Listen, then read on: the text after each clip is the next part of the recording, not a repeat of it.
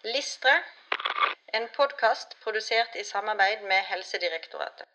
Allmennmedisinsk læringsmål ALM 016. Selvstendig kunne organisere egen praksis slik at pasienter som trenger mest, også får mest, og slik at legen er tilgjengelig ved behov for øyeblikkelig hjelp.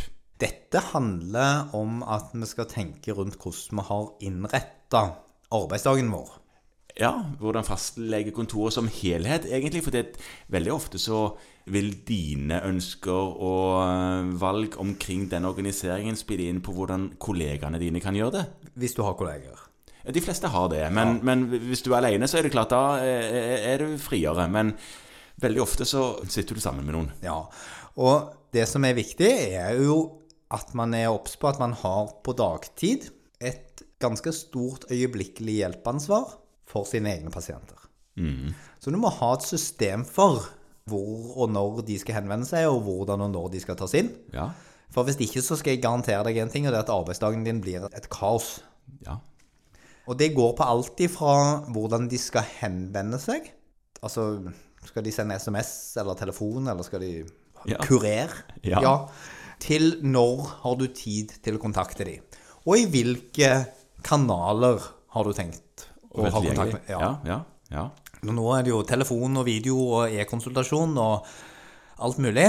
Og det å ha gode planer for dette og revidere gode planer for det, sånn at pasienter som har et øyeblikkelig hjelpetilbud, faktisk får tak i deg, det er viktig. Ja, og du har jo et Det er et lovpålagt krav å være tilgjengelig for øyeblikkelig hjelp for pasienter. Ja, det er det. Det må man oppfylle. Ja. Og så er det en annen ting som er viktig, og, og som jeg tror man òg skal reflektere litt rundt, og det er kan man bli så tilgjengelig at de som roper mest, får mest?